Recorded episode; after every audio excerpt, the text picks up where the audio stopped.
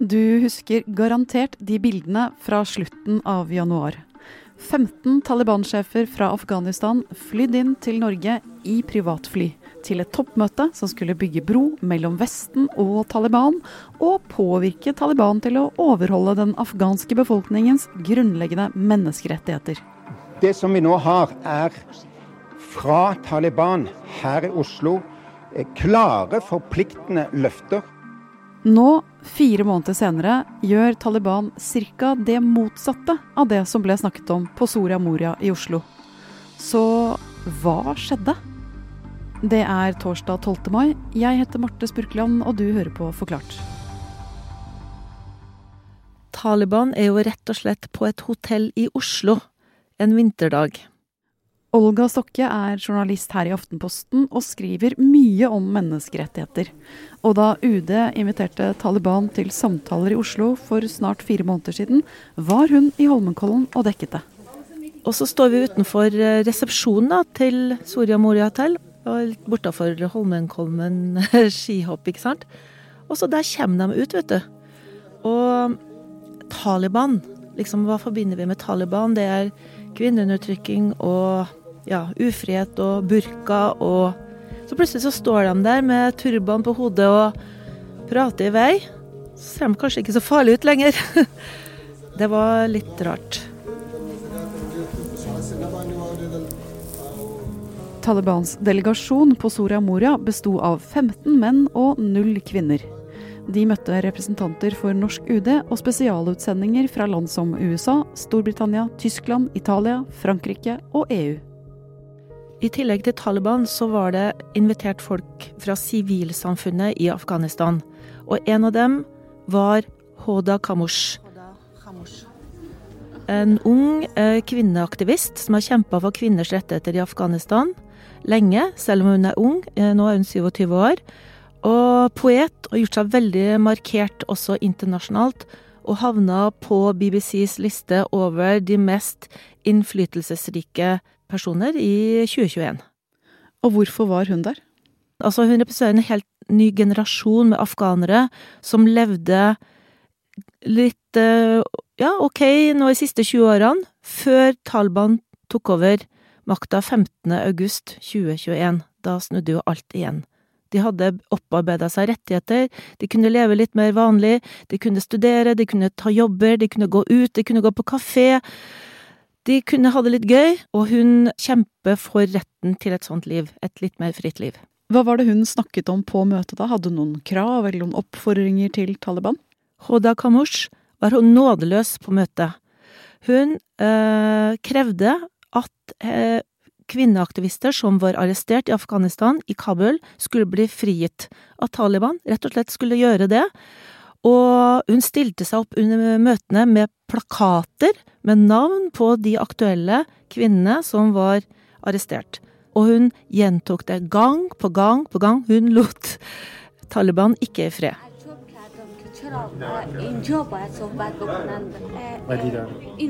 Nettopp dialog med sivilsamfunnet, altså at Taliban skulle lytte til folk som Hoda og andre vanlige folk i Afghanistan, ble sett på som noe av det viktigste som kom ut av de tre dager lange samtalene på Soria Moria. Olga trodde Hoda at samtalene med Taliban ville føre til noe godt. Hun sa til meg at eh, hun var optimist. Hun eh, hadde litt tro på det her, rett og slett. Og mente at dialog med Taliban var viktig. Men samtidig så, ga hun uttrykk for at hun var ikke helt sikker. Hun er nok klar over at Taliban i Oslo, på besøk i Oslo, ikke er det samme som Taliban hjemme i Afghanistan, der hvor de har eh, full kontroll. Møtene på Soria Moria ble oppsummert med forsiktig optimisme. Disse samtalene kunne bli starten på bedre forhold mellom Taliban og resten av verden, og starten på flere rettigheter, særlig for afghanske kvinner. Men etter at Taliban-toppene returnerte til Afghanistan, tok det ikke så lang tid før stemningen ble en ganske annen, også for Hoda. Hun fikk uh, trusler hun opplevde å få trusler fra personer i Afghanistan som hun mener er støttespillere for eh, eh, Taliban. Og innenriksministeriet publiserte en video hvor de anklaget eh, kvinnelige aktivister da, i Afghanistan til å være oppviglere og til å motarbeide regimet. I denne videoen så er det bilder av eh, Hoda Kamush eh, i sentrum og med en rød pil rettet mot hennes hode. Det opplevde hun som ekstremt skremmende og egentlig en trussel som gjør at hun har valgt å bli her. Hun tør ikke å reise hjem. Ja, og så har hun fortalt eh, også at eh, både ektemannen og foreldrene hennes har eh, blitt truet, og det har vært ransakinger hjemme hos dem. Og de har nå også flykta fra Afghanistan. De oppholder seg i et naboland. Og det er ikke bare afghanske kvinneaktivister som går tøffere tider i møte nå. På lørdag ble det kjent at Taliban innfører burkapåbud for afghanske kvinner. De får ikke gå ut av huset med mindre de har på seg et heldekkende plagg som går helt ned til føttene. Hele ansiktet må være dekket, og foran øynene er det et tett gitter. Og Olga, den ordren som Taliban nå har gitt, hva var Hodas reaksjon på den? Hun sier at uh, Taliban har ikke endret seg. Hun var jo optimistisk, egentlig, da hun kom til Oslo. Nå sier hun at uh, de har ikke endret seg. De kommer ikke til å gjøre det. De kommer ikke til å leve opp til de løftene som de ga. De kommer til å fortsette med sine antifeministlover, sier hun, og at de, det kommer til å bli bare enda verre for kvinner fremover. Så når dette skjer knappe fire måneder etter toppmøtet på Soria Moria, betyr det at det ikke er noen vits i å prøve å snakke med Taliban?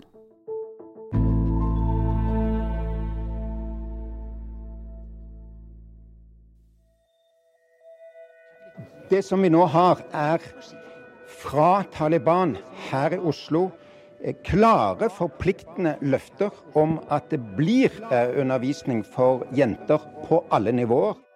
Dette her er Jan Egeland, generalsekretær i Flyktninghjelpen. Han var til stede under møtene med Taliban i Oslo, og det han snakker om her, er et av de aller viktigste løftene som blir gitt under de samtalene. Hanne Christiansen er Aftenpostens Midtøsten-korrespondent og befinner seg akkurat nå i Istanbul. Helt konkret så var det Taliban lovet i Oslo, at alle jenter, altså også de over tolv år, skulle få komme tilbake på skolen. Dette skulle skje da etter den afghanske nyttårsfeiringen, så senest midten av mars. Taliban ga dette løftet som et uh, svar egentlig på veldig tydelige krav fra norske myndigheter og fra de andre vestlige landene som deltok på møtet, om at uh, dersom Taliban ønsker internasjonal bistand og de pengene de har stående i utenlandske bankkontoer, uh, så må de respektere grunnleggende menneskerettigheter. Så dette løftet om at jenter skulle få gå på skolen, også de jentene som er over tolv år gamle, det var en veldig viktig del av det. Men allerede i Oslo så, så var Taliban tydelige på at uh, dette kom til å ta litt tid. Det de forklarte var at de måtte på få på plass et system som, som gjorde det mulig uh, å gjennomføre dette her i tråd med islamske prinsipper, da. Og så ble det jo afghansk nyttår, og jentene skulle få komme tilbake på skolen, men det skjedde ikke? Nei, det som skjedde den morgenen hvor jentene skulle få komme tilbake på skolen, det var at tenåringsjenter eh, over hele landet egentlig møtte opp. Mange steder hadde de måtte satt seg ned ved plassene sine og pakket ut tingene sine. Og så kom plutselig motbeskjeden. Da var beskjeden fra øverste hold at jenter over tolv år ikke skulle få lov til å begynne på skolen den dagen likevel, og at alle måtte pakke tingene sine og dra hjem igjen. Og da lokale medier intervjuet noen av disse jentene som måtte komme ut igjen fra skolen samme morgen i, i, Kabul, så var det ganske hjerteskjærende å se den skuffelsen. Flere av jentene brøt eh, helt enkelt sammen i gråt da de forsto hva, eh, hva, som hadde skjedd. Og drømmen deres om å få gå på skolen og ikke kom til å gå i oppfyllelse likevel. Og det er disse jentene du håper å få snakket med når du drar til Afghanistan ganske snart? Ja, nå jobber jeg med å komme meg dit. Håpet er jo å komme litt tett på og få, få snakket med de eh, jentene og kvinnene som nå får veldig mange av sine helt eh, grunnleggende rettigheter tatt fra dem. Mange av dem er jo kvinner som har vokst opp i et helt annet Afghanistan enn det Taliban styrte på 90-tallet. Og nå med de siste nyhetene som kom i helgen om at kvinner helst skal dekke seg helt til, så blir det også veldig spennende å se hvor mange som føyer seg etter disse nye bestemmelsene fra Taliban. Da. Så hvor lenge kan jenter gå på skole i Afghanistan nå, da? Nå kan jenter gå på skolen eh, helt til de fyller tolv år. Og så har Taliban fortsatt sagt at, eh, at tenåringsjentene skal få komme tilbake. De har på en måte ikke av, eh, avblåst det løftet, men det har jo ikke skjedd, i hvert fall på nasjonalt plan ennå. Det er litt ulikt fra provins til provins hvor strenge lokale myndigheter har vært med å håndheve disse reglene, men i utgangspunktet så er det altså jenter opp til tolv år som kan gå på skolen. Både burkapåbudet og det at jenter over tolv år ikke kan gå på skole, det er jo sånn cirka det motsatte av det verden håpet på etter samtalene med Taliban på Soria Moria i Oslo. Hvorfor blir Taliban strengere nå? Det er jo litt påfallende at dette skjer nå Altså etter at krigen i Ukraina brøt ut, så er det ikke sikkert Taliban vil si at det har noe med det å gjøre, men, men det er klart at Jeg ser at det er mange som mener at dette er nettopp det som skjer når resten av verden er opptatt med andre store ting. Da velger de som gjerne vil eh, gjennomføre antidemokratiske endringer, å gjøre det. Og jeg syns jo det ser litt ut som det er det som skjer i Afghanistan nå. Lørdag forrige uke kom altså denne ordren om at afghanske kvinner må bruke heldekkende burka hvis de skal bevege seg utenfor hjemmet. Og Talibans talsperson beskrev helt detaljert hvor dekkende burkaen skal være. Den kan ikke være tettsittende, ikke gjennomsiktig, ingenting av kroppen skal vises. Og så la han til at aller helst bør jo kvinner bare la være å gå ut i det hele tatt. Hanne, er dette Taliban på sitt aller mest konservative? Det begynner definitivt å nærme seg det, ja. Talibans øverste leder, altså han som utstedte dette såkalte dekretet, eh, han heter Haibatullah Akunzada. Uh, og han tilhører den aller mest konservative delen av Taliban. Han kommer også fra Kandahar, som er en av de mest konservative provinsene. Uh, og det er ikke alle provinsene i Afghanistan som har like konservativ ledelse. Og nå, sånn i motsetning til sånn det var på 90-tallet, så har lokale myndigheter nå fått mer makt til å bestemme selv. Det så man f.eks. de første dagene etter at denne bestemmelsen om at kvinner måtte dekke seg til eh, ble kjent. Så var det ikke f.eks. sånn at alle kvinnene i Kabul eh, løp ut og kjøpte seg en burka og tok på seg den. Det så ut til at de heller valgte å gå litt forsiktig frem og dekke seg litt mer til. Så dette er noe av det som blir aller mest spennende å følge med på i tiden framover. Hvor, hvor, stor makt et sånt nasjonalt, eh, eller nasjonal bestemmelse fra øverste hold kommer til å få, da. Så Taliban er ikke helt enig med seg selv om hvordan ting skal være? Nei, det som er litt interessant nå, det er at det ser ut til å være ganske stor uenighet internt i Taliban om hvor konservativ linje man skal legge seg på i forskjellige verdispørsmål. Så særlig når det gjelder uh, kvinners rettigheter, så pågår det en ganske sånn sterk dragkamp i, i, bevegelsen. Du har den delen av Taliban som Akunzada tilhører, den veldig konservative religiøse ledelsen. Og så har du den delen som de siste ti årene har hatt samtaler med resten av verdenssamfunnet, bl.a. I, i Doha i Qatar, og som har jobbet for større internasjonal anerkjennelse, da. Så det er et ganske annerledes bilde fra forrige gang Taliban styrte Afghanistan, men, men nå kommer det jo veldig tydelige tegn til at den mer konservative delen i bevegelsen eh, hevder seg, da. Hvordan reagerer afghanske kvinner på det som skjer? Særlig i høst, men egentlig fram til nå så har man sett at kvinner har demonstrert jevnlig. Veldig modige kvinner, må man kunne si, som har gått i tog gjennom Kabul og protestert mot uh, at jenter ikke får komme tilbake på skolen. Det er en hel generasjon unge kvinner som har fått utdanning, som, som rett og slett ikke vil finne seg i det her. Men det er jo etter hvert ganske mange av de med utdannelse som har reist fra Afghanistan. Og igjen, det som blir spennende å følge med på fremover, er hvor hardt Taliban kommer til å slå ned på den typen motstand.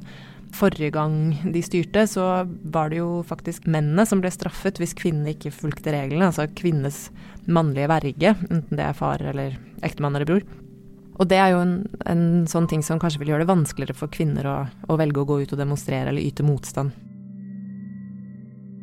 Kan det bli enda strengere for kvinner enn burkapåbud og ingen skolegang over tolv år?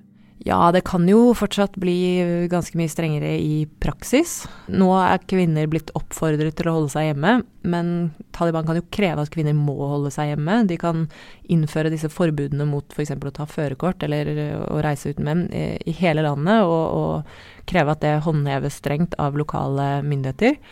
Og da kan man jo få en sånn situasjon igjen som man hadde på 90-tallet, hvor, hvor, kvinner blir eh, slått, altså blir banket opp i gatene dersom de ikke kler seg riktig. Så det kan dessverre fortsatt bli strengere. Var det naivt av norske myndigheter og UD å tro at det går an å snakke med Taliban og oppnå resultater?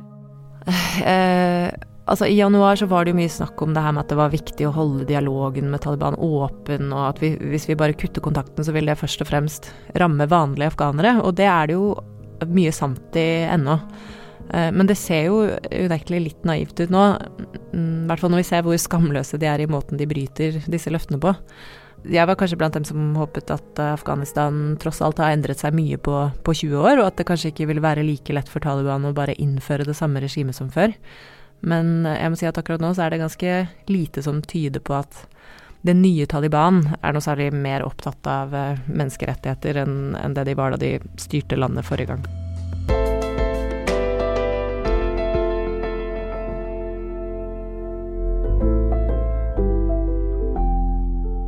Men siste ord er jo ikke sagt. I går ble det kjent at Norge ber om et hastemøte i FNs sikkerhetsråd for å diskutere restriksjonene som innføres mot kvinner i Afghanistan. Dette møtet skal skje i dag, så får vi se hva som kommer ut av det. Det var Olga Stokke og Hanne Christiansen som fortalte om Talibans strengere linje i Afghanistan. Du har hørt lyd fra Olgas opptak med Håda, og fra pressekonferansen på Soria Moria, og fra NRK.